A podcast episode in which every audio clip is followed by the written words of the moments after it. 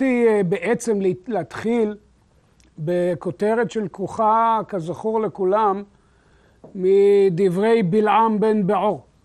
אין עם לבדד ישכון ובגויים לא יתחשב.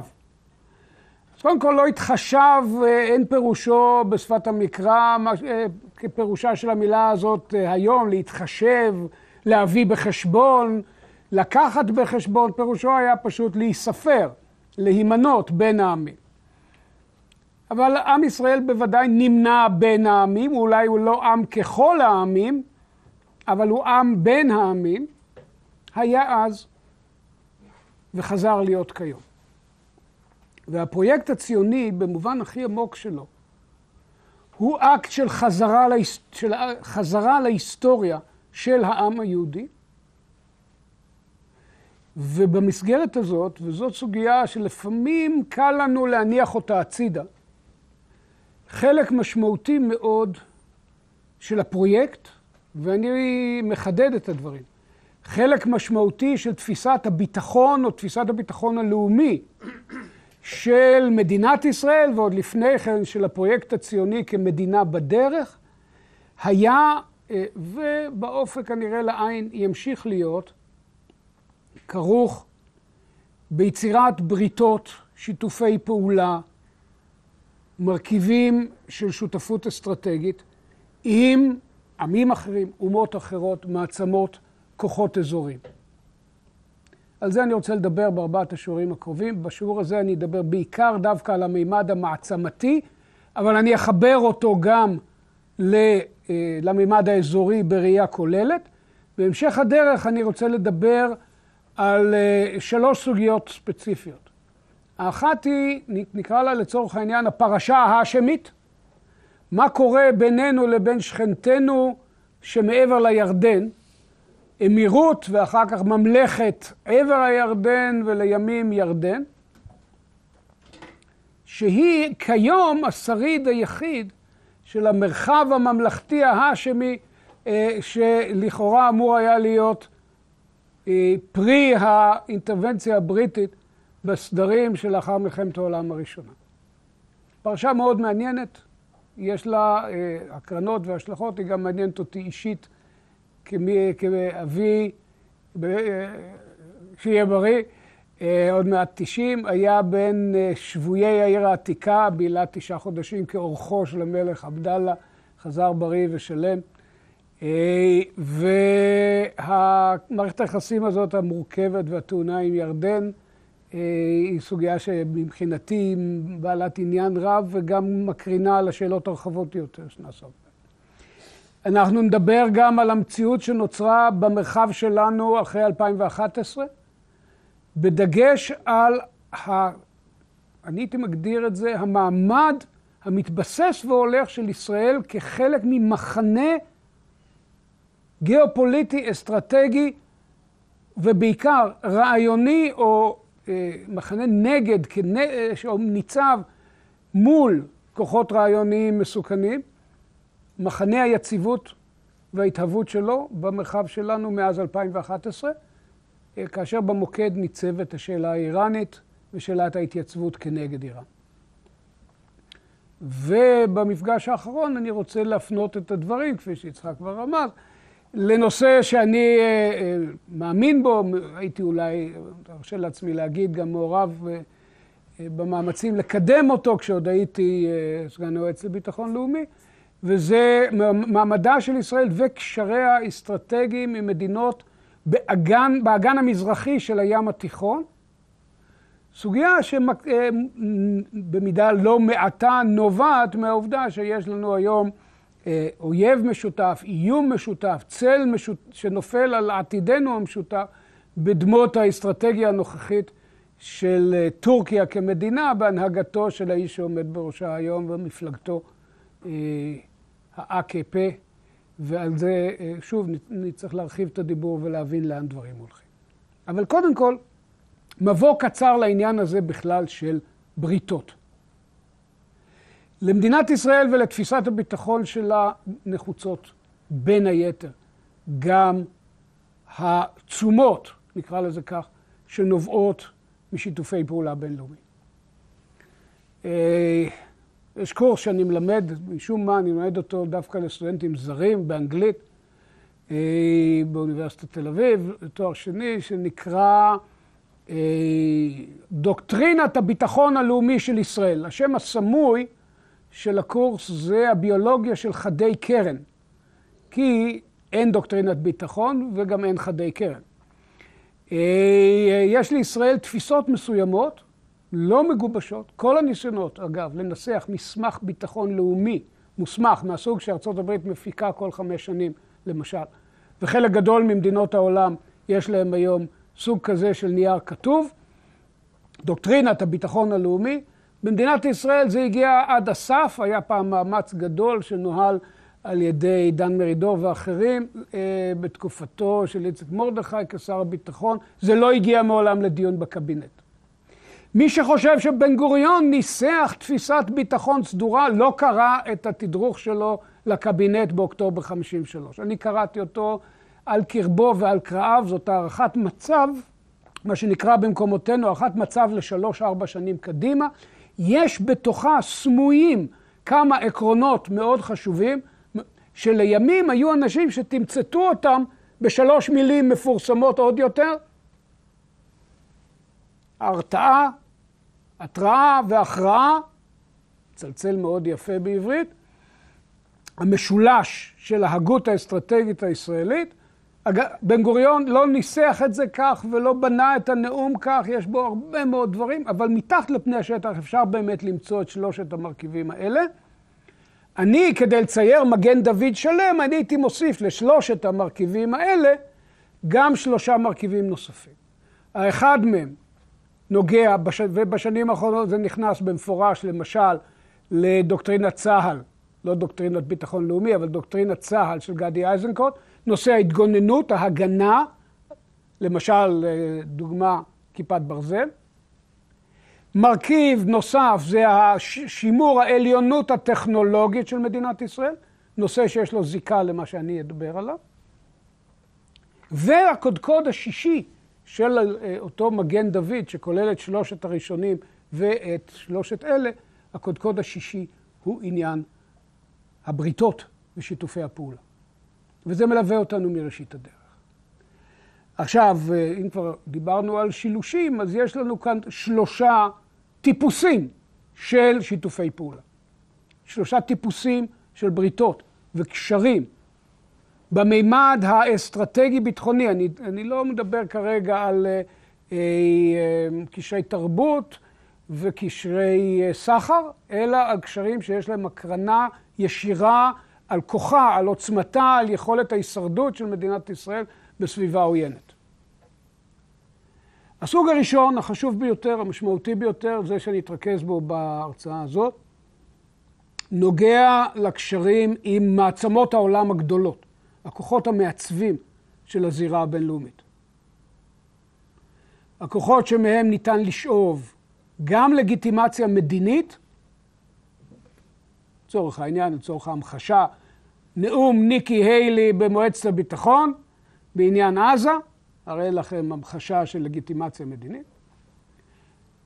אה, וחשוב עוד יותר, לא נשים את הדברים באותו מישור, חשוב עוד יותר או הרבה יותר, ניתן להיעזר בהם, להישען עליהם בכל מה שנוגע לבניין הכוח, למוכנות למערכות קשות ומורכבות, כל מה שנוגע בעצם להתעצמותה של, של ישראל, עוד לפני קום המדינה, להנחת היסודות לכוח, לכוח שיוכל לעמוד כנגד אה, פולש זר, כנגד אה, פלישת צבאות ערב. כל הדברים האלה היו קשורים מיומם הראשון וקשורים גם 70 שנה לאחר מכן אה, במערכת יחסים עם מעצמות.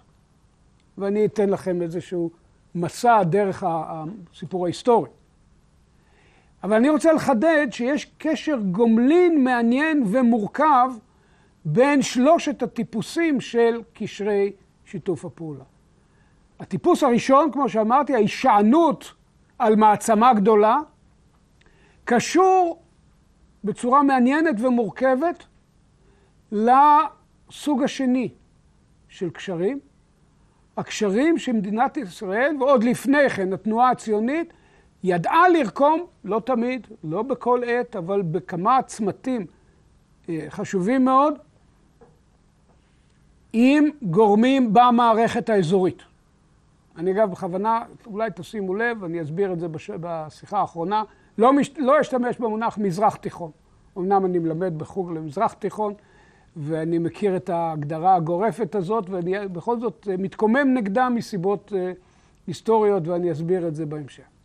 אבל במערכת האזורית, בהגדרה הרחבה של המושג מערכת אזורית, מה שבסביבתנו האסטרטגית, הגיאופוליטית, הפיזית, המיידית, כאשר למדינת ישראל יש קשרים כאלה, כאלה קל לה יותר לבוא בדברים עם המעצמות ולהגיד, אם אתם איתנו, אתם לא בהכרח נגדם, אלא הנה אנחנו באים כמי שיש לו שותפים בסביבה המיידית שאנחנו חיים בה, שותפים להשקפה, שותפים לאינטרס, ואנחנו לא מבקשים מכם לבחור בינינו לביניהם, אלא נהפוך הוא, לעבוד עם כולנו יחד.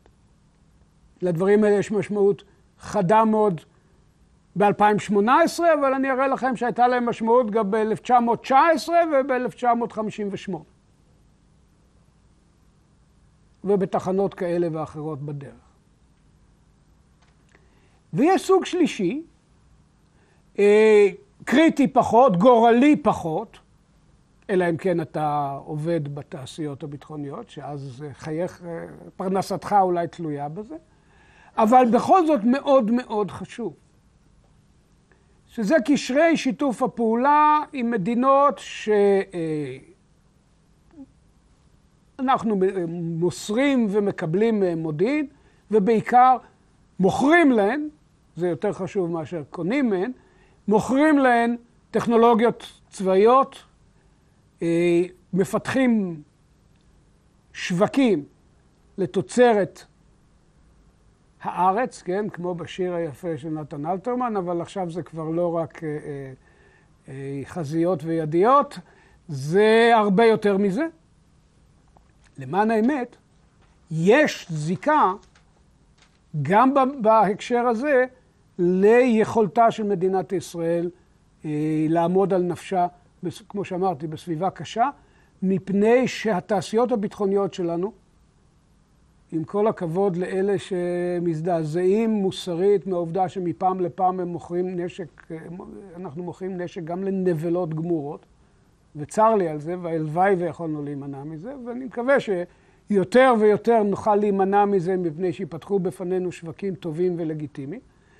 אבל התעשיות הביטחוניות גם הן מרכיב חיוני ביכולתה של מדינת ישראל לקיים את יתרונה האיכותי ולהפתיע ולסכל ולתסכל את יריבינו, ואולי גם להרתיע אותם בכלל מלנסות. ולכן גם המרכיב הזה, שאולי הוא לא באותה אה, רמה של חשיבות כמו הקשר, נאמר היום, עם ארצות הברית, ואם צריך לבחור ביניהם, אין שום ספק איך בוחרים ביניהם. דוגמה מפורסמת, עניין הפלקון. בימי אהוד ברק, כאשר קלינטון אומר לנו, רבותיי, אתם לסינים לא תמכרו את המערכת הזאת.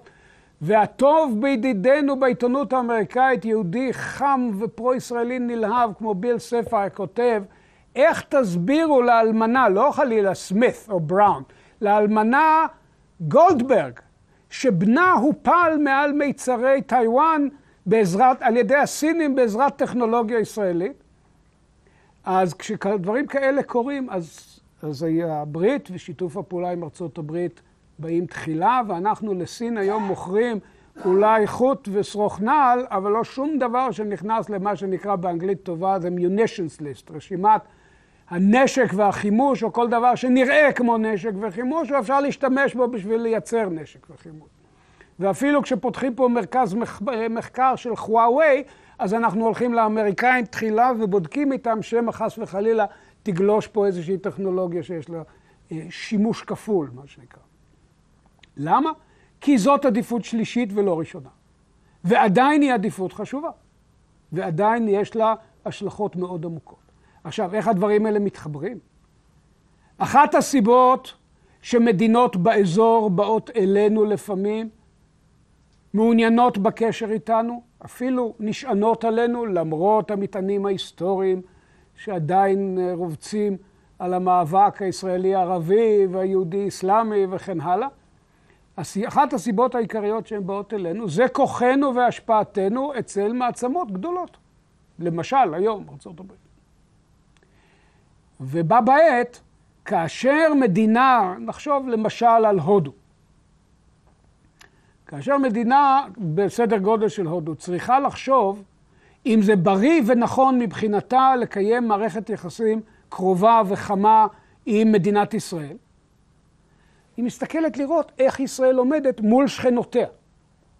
וכאשר היא רואה, והיום כבר לא צריך אה, אה, כלים אה, חזותיים משוכללים כדי לראות שהיחסים בין ישראל לבין חלק משמעותי מאוד ממדינות ערב, בעיקר אותן מדינות ערב שלהן יש מה שנקרא יד על הברז של אספקת האנרגיה, היחסים האלה הם היום קרובים אולי לא גלויים, אבל חמים, אז שר החשש, שר הפחד, מפני ההשלכות האפשריות של אה, קשר עם ישראל, של להיראות בתמונה אחת עם ישראל, ואז אתם מקבלים את התמונה הבאמת כמעט בלתי נתפסת של ראש הממשלה וראש ממשלת הודו, מדינה קטנה של מיליארד נקודה שלוש מאות מיליון נפש, הדמוקרטיה הגדולה בעולם, ועוד מעט מבחינת אוכלוסין תעבור את סין כמדינה הכי גדולה בעולם, אה, ועומדים במי אה, הים התיכון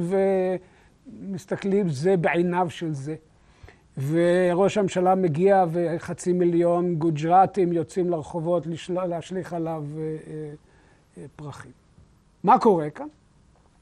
מה שקורה כאן הוא שמדינה שנזהרה הרבה מאוד שנים לא להתקרב לישראל יותר מדי. אולי לקנות נשק, אולי לדבר בשקט על מודיעין כנגד הטרור האסלאמי, אבל נזהרה שלא להיראות איתנו ברחוב הראשי, מבחינה שהמציאות הבינלאומית והאזורית היום הורידה מאוד את רמת הסיכון, את העלות, את המחיר שכרוכה בזה. אז כל הפרמטרים האלה של שיתופי פעולה, היחסים עם מעצמות, היחסים עם גורמים אזוריים, והיחסים עם המדינות שאנחנו רוצים לראות בהן שותפות סחר ושותפות רכש, כל השלושה האלה מחוברים אחד לשני. יש מתחים ביניהם. יש רמה גבוהה של מורכבות לפעמים. לפעמים צריך, צריך לקבל החלטות לא קלות. היה לי את ההתנסות הזאת השוטפת אה, בתפקידי במשך שש שנים כ... איך אומרים, סגן היועץ לביטחון לאומי למדיניות חוץ ויחסים בינלאומיים, שזה תואר די ארוך לאיש די קצר, אה, אבל אה, בסך הכל אה, ראיתי את הדילמות האלה וראיתי גם איך הדברים גם נעים קדימה ביחד כשיודעים לנהל אותם בצורה שקוראים לה סינרגטית, בצורה שאחד משפיע לחיוב על, הש... על, על שני האחרים. מה שרציתי להגיד היום זה שזה לא חדש. לא חדש. למען האמת, אם אנחנו בוחנים את תולדות הפרויקט הציוני, אז מלכתחילה היה גלום בו גם הרצון והצורך והכוונה למצוא את מקומו של העם היהודי, איך אמר את זה הרצל? הוא אמר את זה בגרמנית, אני לא אנסה אפילו, אבל במשפט העמים. זאת ה... זה אחד מאושיות הפרוגרמה של באזל מ-1897.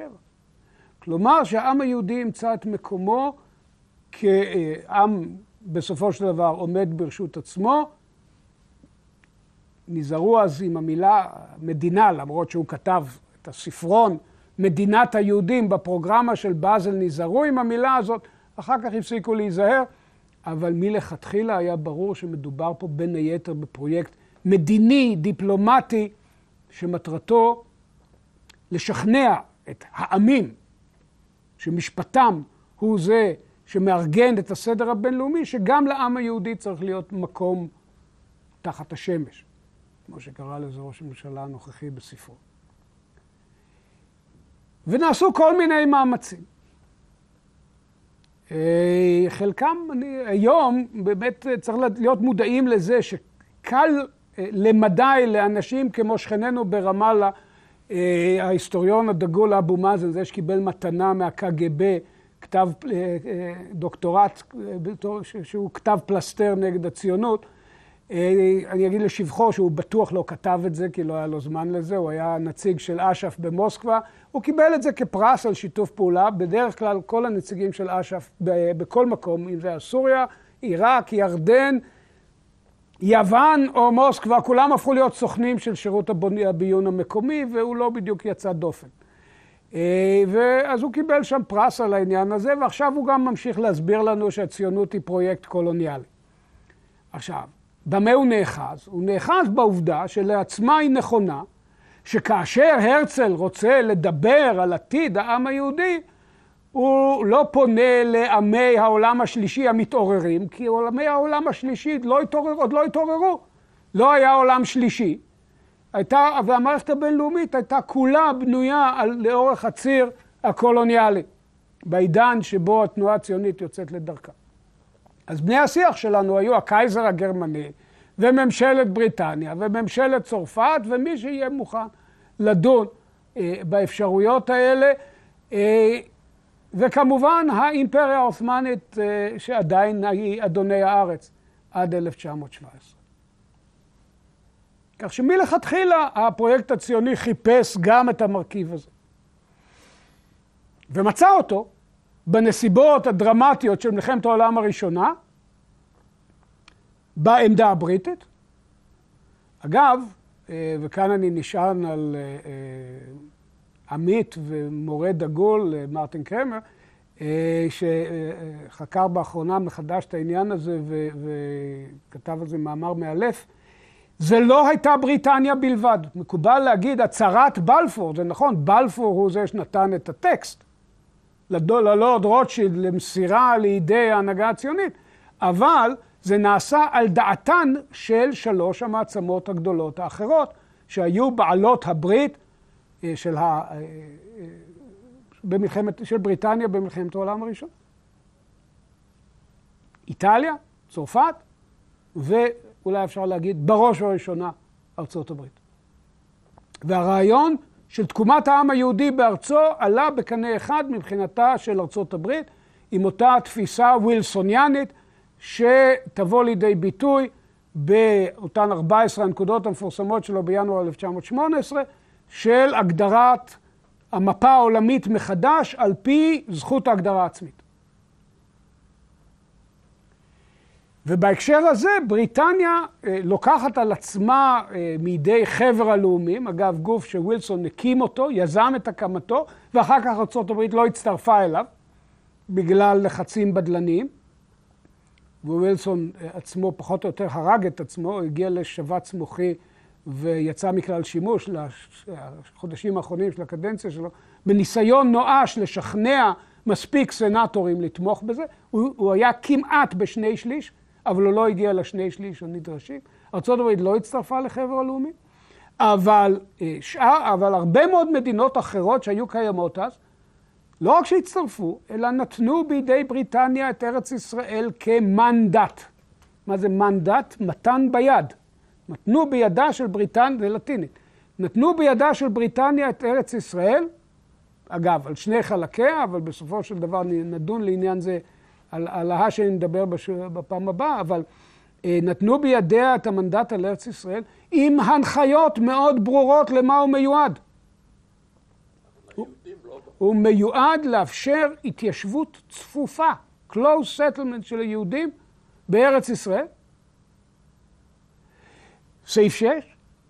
ובאופן כללי, ברור לגמרי, גם מכתב המנדט וגם מהצהרת בלפור, שאין כאן שוויון בין שני העמים היושבים בארץ. אין כאן שני עמים.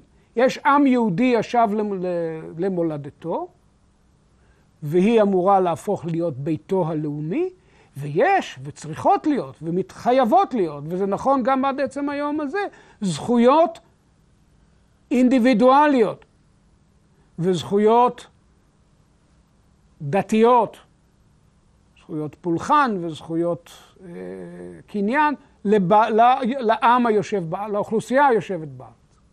לא כעם ריבוני, אלא ליושבי הארץ. אז, אבל הפרויקט הזה, הפרויקט הציוני, נשען מראשית דרכו, אם תרצו, או בוודאי מ-1917, על תמיכה, על ברית, במקרה זה עם הבריטים. אלא ש-20 שנה לאחר מכן, או ליתר דיוק, 20, אה, פחות מ-20 שנה אחרי כתב המנדט, 22 שנה אחרי, פחות מ-22 שנה אחרי הצהרת בלפור, אותה מעצמה בריטית, זה דברים קצרים וחדים, בגדה בהתחייבותה, בחרה ביודעין ובמודע לנטוש את מחויבותה לפרויקט הציוני, מתוך חרדה קיומית גדלה והולכת מפני מלחמה שעומדת בפתח, והשאלה איפה יהיו הערבים.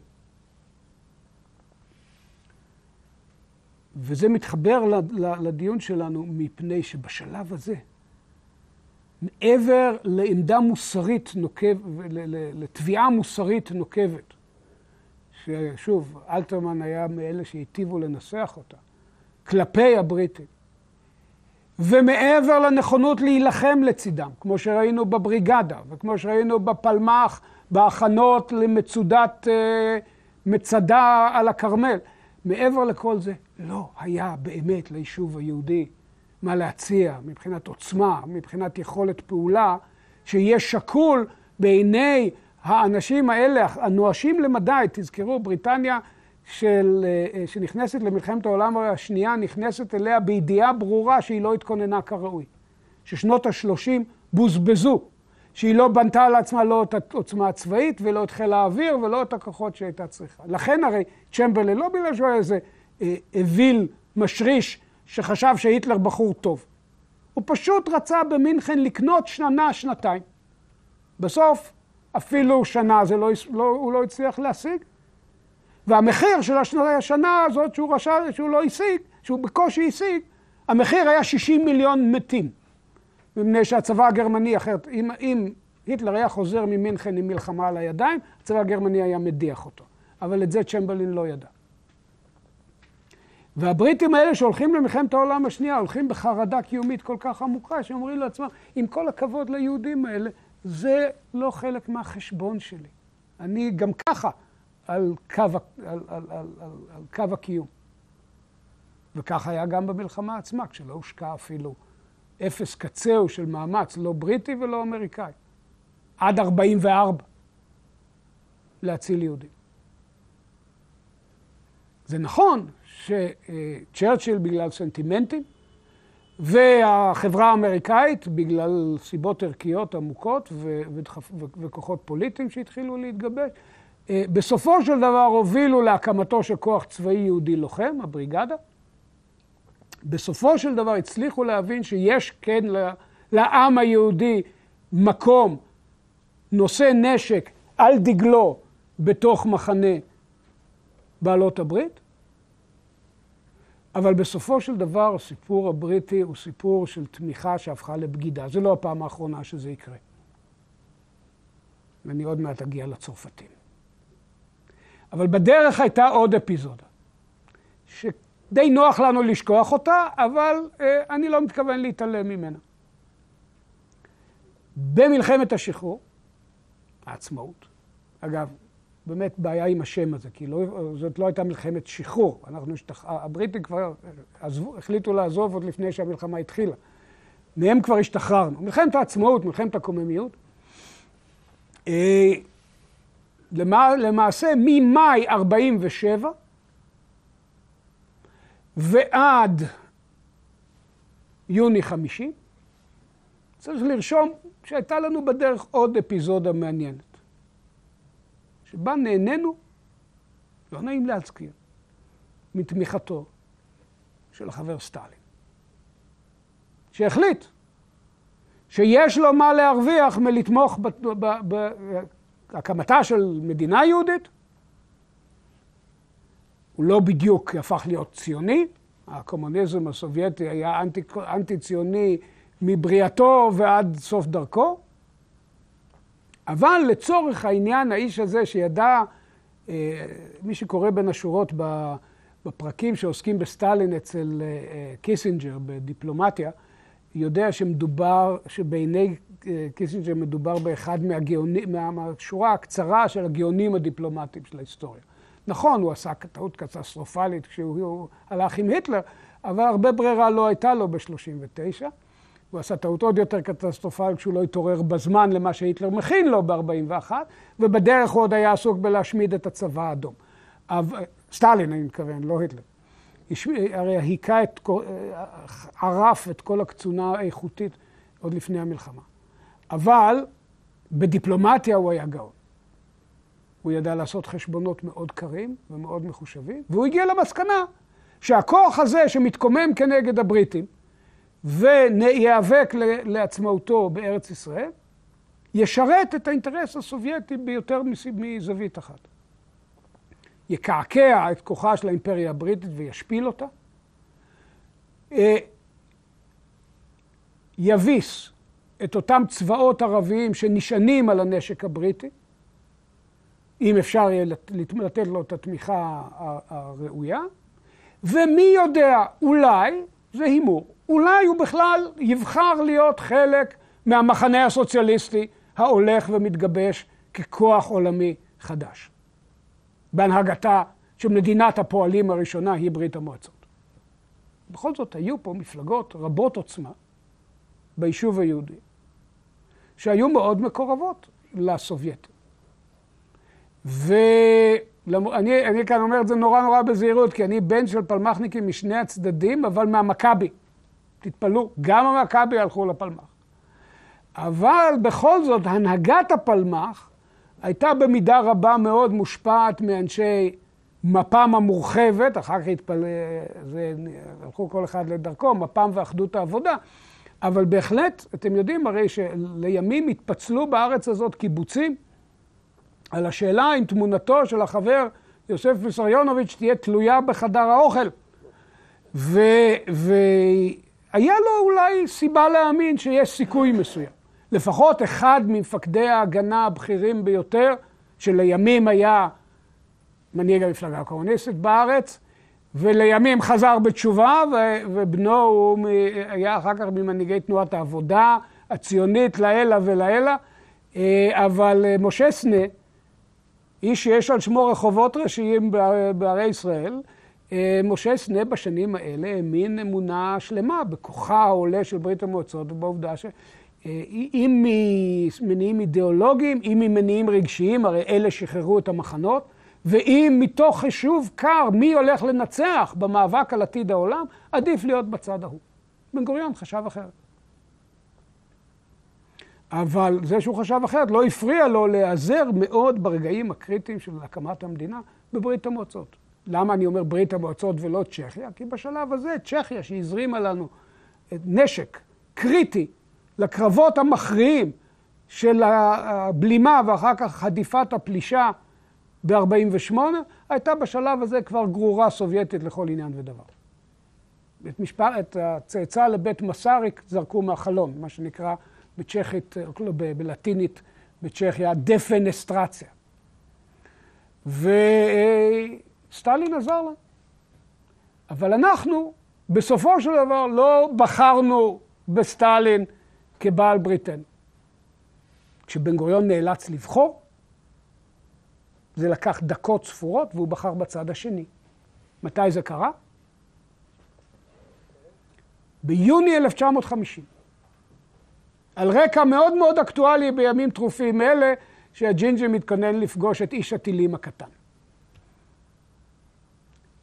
כאשר הסבא של איש הטילים הקטן, הלו הוא קים איל סונג, אביו של קים ג'ון גיל, אביו של קים ג'ון גון, בכלל הרעיון שמדינה מרקסיסטית עוברת מאב לבן כבר שלושה דורות זה דבר שבטח גורם למרקס להסתובב בקברו. אה, אבל אה, הסבא פלש לקוריאה הדרומית. יום בהיר אחד וכבש כמעט את כולה עד, שם, עד שכולם התעשתו, כבר נשאר ממנה בערך שתי קרעים ובדל אוזן.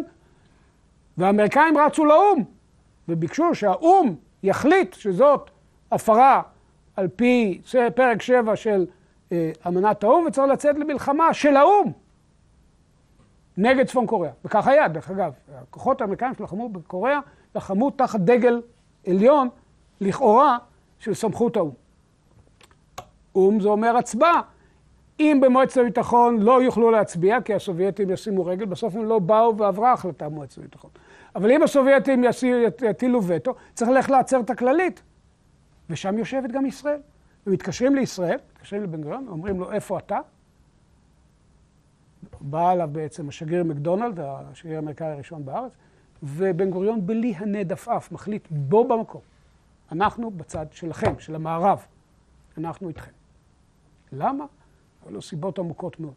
הוא אמר את זה פעם לבבין, ארבע שנים לפני כן, הוא אמר לו, תשמע, יבוא יום ויהיה לכם מאבק ישיר עם הסובייטים, תרצו או לא תרצו. ואנחנו נהיה בצד שלכם, תרצו או לא תרצו. למה? כי ליהודי אמריקה יש מה להגיד, וליהודים של סטלין אין. ובזה נגמר הדיון מבחינתו.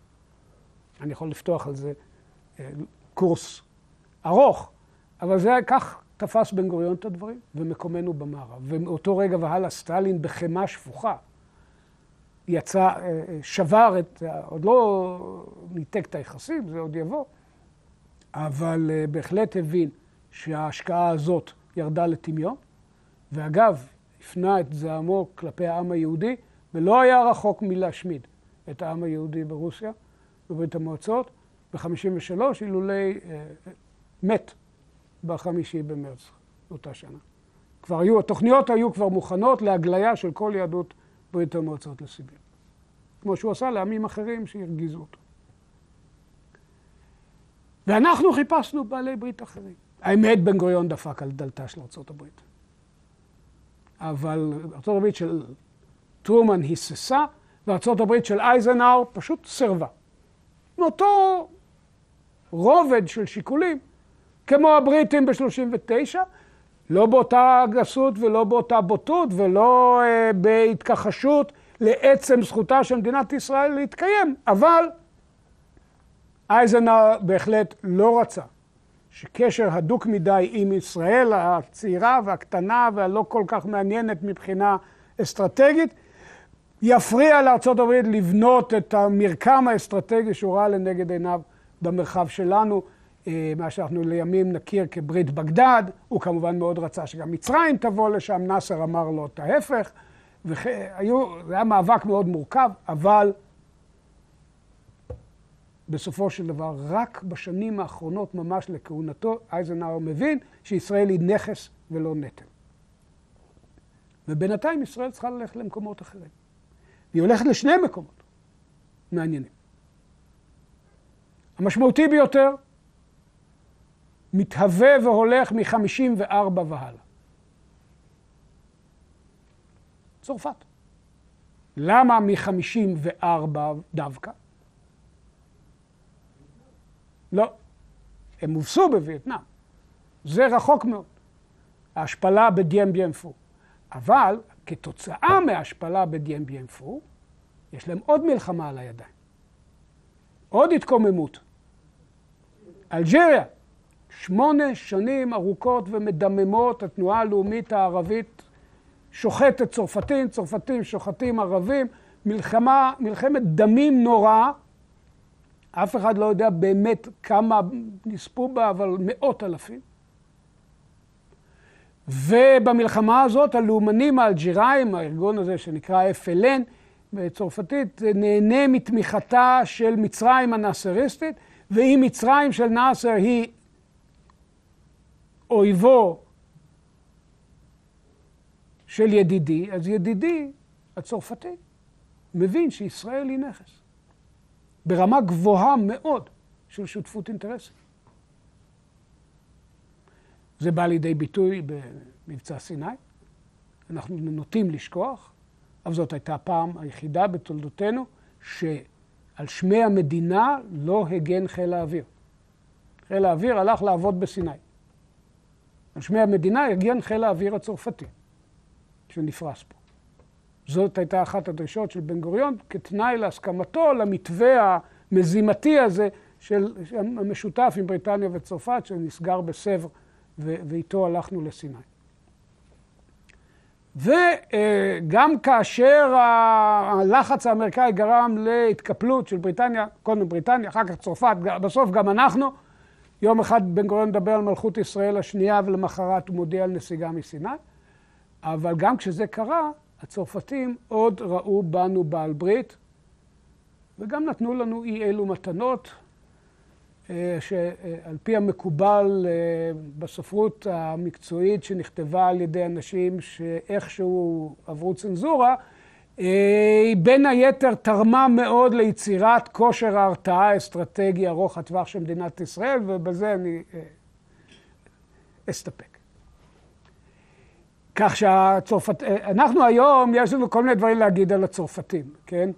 אה, שחלק אה, עוסק במקצועם המשני וכל מיני דיבורים כאלה לא נעימים, ולא מזמן הייתה עוד פעם קטטה בין מייקל...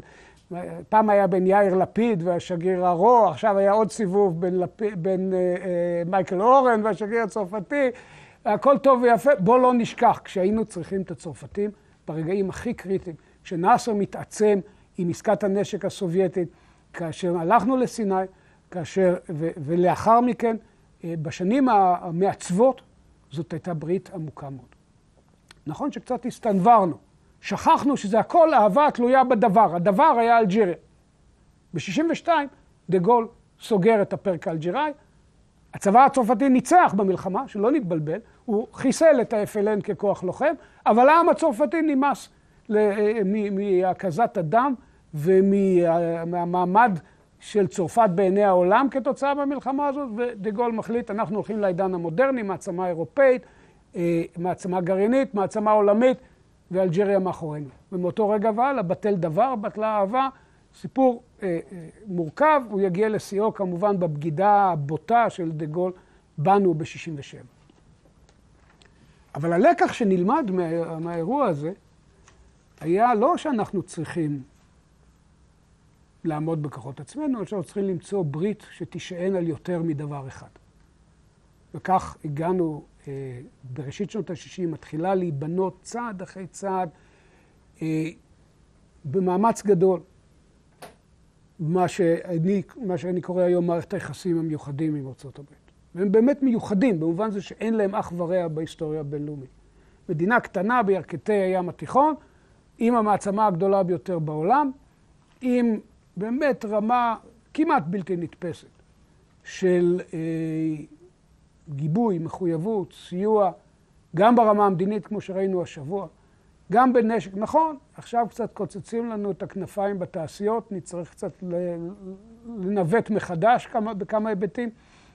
בכל זאת, הרי מדובר בכספי משלם המיסים האמריקאי, שרוצה שכספי משלם, שהם ילכו לקנות נשק מיצרנים אמריקאים, לא לתעשיות הישראליות. קצת הלכנו רחוק מדי בעניין הזה, ועכשיו נצטרך למצוא דרכנו מחדש. זה כואב, ונצטרך אה, אה, לראות איך מתמודדים עם זה. אבל בגדול, זאת מחויבות עמוקה מאוד, משמעותית מאוד, והיא נשענת על הרבה יותר ממה שנשענה הברית עם צרפת.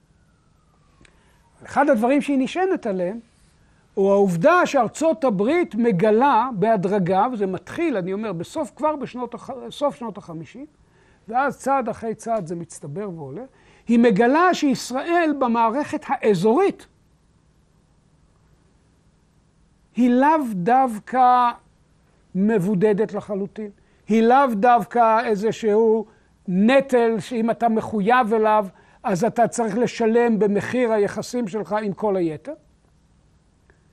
כבר בסוף שנות ה-50, בן גוריון למשל, מביא לאמריקאים כנדוניה מערכת אזורית, שנועדה לעזור להם להתמודד עם עליית כוחה של ברית המועצות בעולם הערבי. זאת הייתה מה שנקרא אה, ברית טריידנט, ככה קראו לה, או ברית הפריפריה. גם אפיזודה קצת נשכחת. אה, ידידי יוסי אלפר, שלא לשבחו אני אגיד אבא של רוגל, לשבחו אני אגיד איש רציני, בניגוד לבנו. אה, אה, יוסי כתב ספר לא די מעניין על העניין הזה באחרונה, על, על טריידנט. טריידנט הייתה ברית מאוד מעניינת. זה, הייתה, זה היו ישראל, טורקיה, לא של ארדואן, טורקיה של הקמליסטים, של הצבא, אה, של, של טורקיה הפרו-מערבית המובהקת, השאה של איראן, יודעים שהיחסים עם איראן היו פעם יחסים טובים מאוד, יש בארץ מונומנט ענק לידידות ישראל-איראן. אורכו כ-200 קילומטר ומפעם לפעם יש ממנו דליפות קטסטרופליות. קוראים לו קצא בקיצור. ואם תבטיחו לא לספר לאף אחד, אני אגיד לכם שלפי דעתי היום הוא מוביל נפט ערבי למזרח אסיה. אבל uh, הוא נבנה כדי להוביל נפט איראני לאירופה. איראן הייתה שותפה, טורקיה הייתה שותפה, והשותפה השלישית ב... יחד איתנו, הרביעית, אתיופיה של היילה סלאסי, של המלך, של הקיסר, צאצא של מלכת שבא, כן, איתנו לגמרי, בילה את שנות מלחמת העולם השנייה בחלקן בירושלים, ברחוב החבשים, לא, שנקרא ככה, לא במקרה מה שנקרא, והאיש הזה כמובן, מה משותף לו ולטורקים ולשאה של איראן ולנו? החרדה הקיומית מפני כוונותיה של מצרים הנאסריסטית, של התנועה הלאומית הפן-ערבית, שמנסה לבצר אחיזה בכל רחבי אה, העולם דובר הערבית, להכניע ולהפיל את המונרכיות אחת אחרי השנייה. הזעזוע הגדול, המטלטל, ב-58, כפול. גם סוריה, שרצה להתאחד עם נאסר, אחרי שלוש שנים היא ברחה מהכלא, אבל שלוש שנים היא הייתה תחת יד מצרית, ונפילת נורי סעיד, נפילת המשטר הפרו-בריטי, פרו-אמריקאי בעיראק. אתם רואים פשוט את כל העולם הערבי נופל יותר ויותר למלתעותיה של תנועה לאומית רדיקלית עם זיקות אסטרטגיות לברית המועצות. ולכן אנחנו יודעים לבנות מערכת אזורית שתשמש משקל נגד, ולהמחיש לאמריקאים שאנחנו יכולים לשנות את המאזן.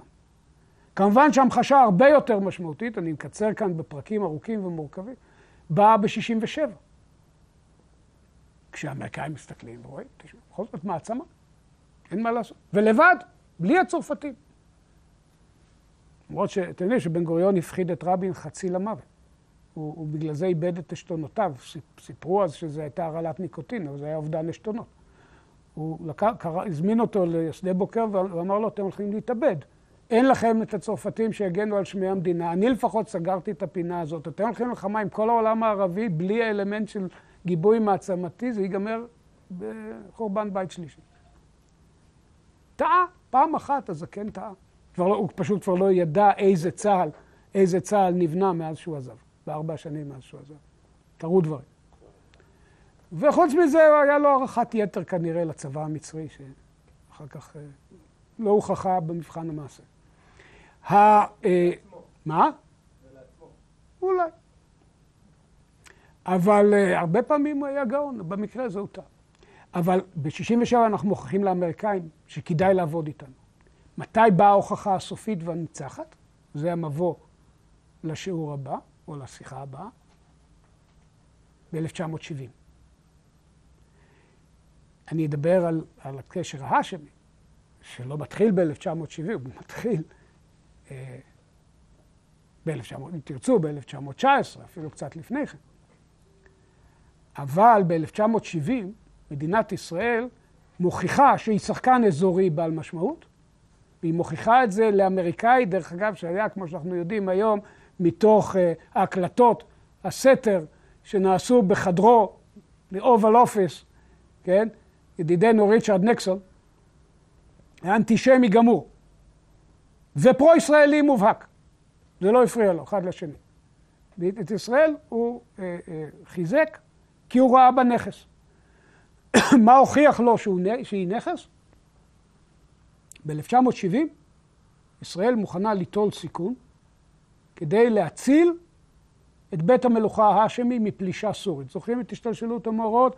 המלך חוסיין מחסל את ארגוני המחבלים בירדן, רודף אותם בחמה שפוכה, הם נמלטים צפונה, וחלק אגב נמלטו לחיקנו הבטוח והחמים אל מעבר לירדן, מאות הסגירו את עצמם לצה"ל, אבל אחרים חוסלו בלי, בלי בג"ץ, כן? ואחרים ברחו לסוריה, וסוריה הפרו-סובייטית, הפרו-פלסטינית, הפרו-מהפכנית, אומר, אם ככה, הצבא הסורי פולש לירדן. והדיוויזיות המשוריינות הסוריות נעות דרומה, שר ההגנה אז היה אסד האב, ואז אה, הירדנים קודם כל לחמו יפה, הם תמיד לחמו יפה, גם ב-67' הם לחמו יפה, עם מה שהיה להם. אה, ומעבר לזה, האמריקאים שולחים קצת כוחות למזרח הים התיכון כדי לנטרל את הסובייטים, וישראל, ובישראל מעלים את צה"ל למצודה. אז נכתב השיר, אלעד ירד אל הירדן, כי האוגדה שלו ישבה על יד הירדן, אז כתבו שיר נחמד. אה, ישבו על יד הירדן, לא כדי להיכנס לירדן, כדי לעלות ולהיכנס לרמת הגולן בצירים הדרומיים, אה, להכות את הסורים על אדמתם אם הם לא ייסוגו. ואז במעשה הזה, שאני ארחיב עליו ועל ההקשרים שלו בשיחה הבאה, כשנדבר על ירדן, אבל אנחנו הוכחנו למעצמה האמריקאית שאנחנו נכס אסטרטגי מהמעלה הראשונה. כי באנו והיינו מוכנים ליטול סיכון על מנת להגן גם על האינטרס שלנו, הרי גם רצינו שירדן, ואנחנו רוצים עד עצם היום הזה, שירדן לא תיפול בידי הרעים. אבל הוכחנו שאנחנו מוכנים ליטול סיכון כדי לוודא שנכס אסטרטגי מרכזי של המערב, של ארה"ב, באזור שלנו, לא ייפול בידיים הלא נכונות. תוסיפו לזה, אם תרצו, את המשמעות העמוקה באמת של מהלכי הסיום של מלחמת יום הכיפורים. אנחנו, מסיבות מאוד עמוקות משלנו, בארץ הזאת מתייחסים לזיכרון יום הכיפורים, מלחמת יום הכיפורים, כטרגדיה. אני, יצא לי לשבת על קצה הכיסא, אה, בכיסאות של שני ראשי הענפים, אה, גם ענף שלוש וגם ענף שש, שהיו אחראים לאי ההבנה הטוטלית והמוחלטת של חטיבת המחקר של מה, מה שמתרחש לנגד עיניה. אז אני חושב שאני יודע על מה אני מדבר. הייתי גם ראש זירת מעצמות וגם ראש זירת דרום. וקראתי את התיקים. והטרגדיה הגדולה והעמוקה מאוד, וגם בעיית המוכנות של צה"ל, והניהול הקטסטרופלי של הלחימה, של טפטוף טנקים לתוך אה, מכונת הבשר המצרי ב... ביומיים הראשונים ללחימה. כן, דברים נוראים שאסור היה שיעשו. אה, בניגוד לכל, בניגוד לכל היגיון אה, צבאי סדור. והכישלון של מתקפת הנגד בשמיני באוקטובר, שבשלב הזה אה, דיין מתחיל לדבר על חורבן בית שלישי, ודיניץ עושה לאמריקאים סימני ידיים, שאם הם לא יעזרו לנו יכול לקרות משהו רע מאוד מאוד מאוד, שעליו רמזתי כבר קודם. אז כל זה נכון. ויחד עם זה, המלחמה הזאת מסתיימת אולי בזכותו של גאון צבאי אחד, לא איש פשוט, חלילה, אבל בהחלט גאון צבאי, אריאל שרון, ובעיקר בזכותם של המג"דים, לאו לא דווקא בזכותו של הדרג העליון, בזכותם של המג"דים והמ"פים, פה ושם מח"טים, שהובילו את הלחימה הזאת, אה, ולוחמי השדה שהובילו את צה"ל לניצחון הכי משמעותי בתולדותיו. ושהמלחמה הזאת נגמרת כשאין צבא מצרי בין צה"ל לבין קהיר, וה, ומחצית, או 40 אחוז, כי הארמיה השלישית יותר קטנה מהשנייה, אבל 40 אה, אה, אחוז מהצבא המצרי מכותר, מכותר, וצה"ל סוגר אותו ממערב. ואז, מי הציל את הארמיה השלישית? הנרי קיסינג'ר.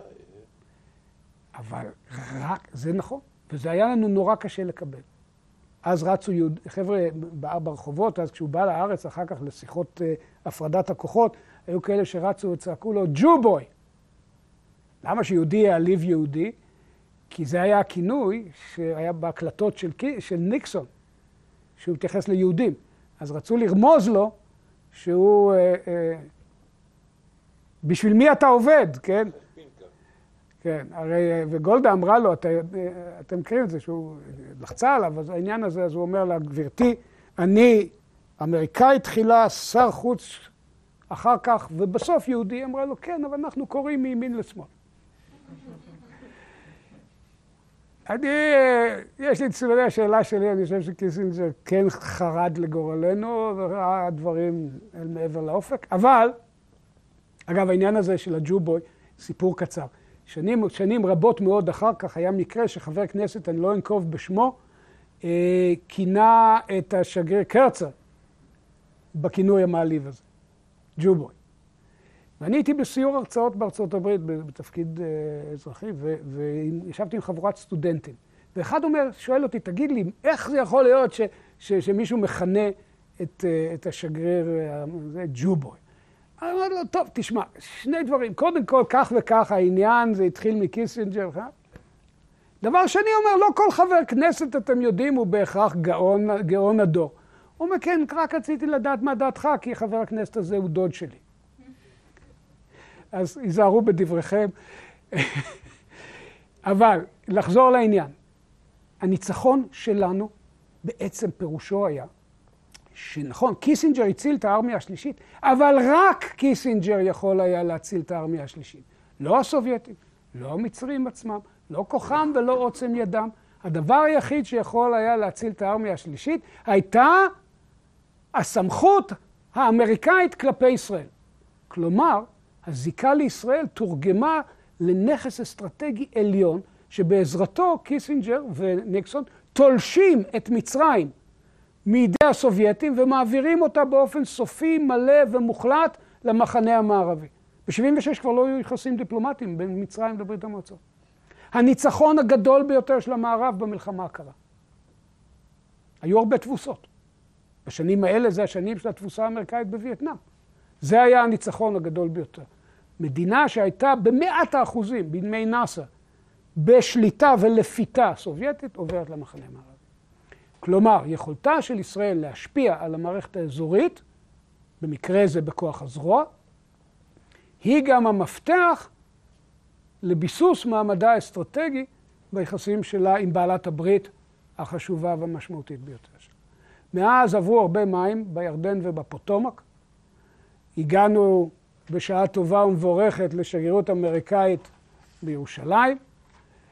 ישראל עדיין איננה בעלת ברית פורמלית של ארה"ב, וכנראה שאנחנו גם לא רוצים להיות.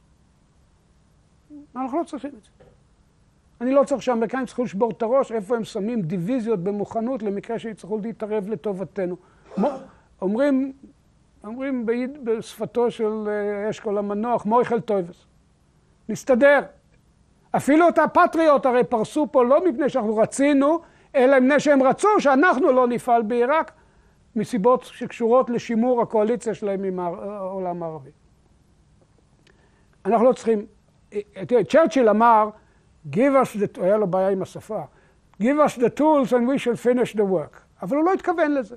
אמר, אבל לא התכוון, הוא רצה שהאמריקאים ייכנסו למלחמה. הוא לא רצה להסתפק בזה שייתנו לבריטניה את הכלים. הוא, לא, הוא ידע שלבד היא לא תגמור את העבודה. אנחנו מתכוונים לזה. אנחנו שמנו לעצמנו, חקקנו לעצמנו, שאנחנו לא צריכים שחייל אמריקאי אחד ייהרג אה, אה, יחד איתנו. לכן, היה לי שיחה הבוקר עם הרב קינון, אמרתי לו, מה שמתם בעמוד, בראש הג'רוסלם פוסט, כותרת ראשית ששטולטנברג אמר שנאט"ו לא תילחם בשביל, ברור שהיא לא תילחם בשבילנו. סעיף 5 הוא מיועד לחברות הארגון, ואנחנו לא חברי הארגון, נקודה. עזבו, מה הבלבול מוח הזה? מי, מי צריך את נאט"ו שתגן עלינו? השתגענו? אנחנו הולכים להגן עליהם באפגניסטן? אנחנו הולכים לשלוח ילד שגדל פה להילחם עם נאט"ו באפגניסטן? התבלבלנו לגמרי, לא צריך ברית פורמלית. מה שאנחנו צריכים זה את המחויבות האמריקאית למה שנקרא QME. מוכר לכם המונח? Qualitative Military Edge. כלומר, יתרונה האיכותי של ישראל בעוצמה צבאית על פני כל צירוף אויבים אפשרי, כפי שמסכימים עליו בשיח, אנחנו מסכימים עליו בשיח שבינינו לביניהם.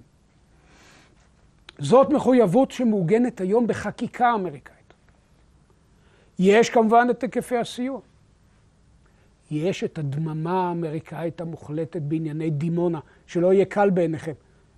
אה, אף מדינה אחרת לא קיבלה את הפטור שאנחנו קיבלנו מבחישה בעניינים האלה, וזה לא התחיל ככה, זה התחיל עם זה שקנדי נתן לבן גוריון בראש, ויכול להיות שזה אחת הסיבות שבן גוריון החליט לפרוש ביוני 63. שהיה לו ריב עם קנדי שהוא לא ידע איך לפתור אותו. אבל מאז ירדה על הנושא, מאז 1970, גולדה מאיר סגרה את זה עם ניקסון, ירדה על הנושא הזה דממה מוחלטת. כל הדברים האלה הם בנפשנו, וזה מה שאנחנו צריכים. וזה גם הבסיס ליחסים שלנו עם חלק גדול משאר העולם. מעמדנו מול ארצות הברית ובארצות הברית, גם בממשל, ואולי עוד יותר מזה, בקונגרס, או כמו שאומרים האמריקאים, בגבעת הקפיטול, שני, על שני בתיו, המעמד של ישראל הוא כל כך מיוחד, שהיא סוחבת על כתפיה מבחינה פוליטית את הסיוע לירדן ואת הסיוע למצרים, ובכלל את כל חבילת סיוע החוץ, מפני שהאזרח האמריקאי המצוי לא רוצה שחברי הקונגרס שלו יבזבזו כסף של משלם המיסים בחוץ לארץ על כל מיני עניינים שהוא לא מבין. אבל אם הישראלים, הלובי הישראלי בא ואומר שזה חשוב, אז כנראה שהם יודעים על מה הם מדברים. וככה זה עובד. ולכן יש זיקת גומלין מאוד עמוקה בין הקשרים, קשרי הברית המעצמתיים, שהיום מבחינתנו זה בראש ובראשונה ארצות הברית, אם כי, כמו שאמרתי, המניפה מתחילה להיפרס ולהתרחב, לבין מעמדה של ישראל כגורם פעיל, דינמי, שמתחשבים בו, כן, בגויים לא התחשב, אבל הגויים מתחשבים בו, במרחב האסטרטגי שבו אנחנו חיים היום. עד כאן מבוא אסטרטגי כללי והתייחסות לממד המעצמתי. בהמשך הדרך, בשיחות הבאות, אני רוצה להיכנס יותר לרזולוציות, כן, לדיוקים של היחסים בינינו לבין סביבתנו האסטרטגית המיידית.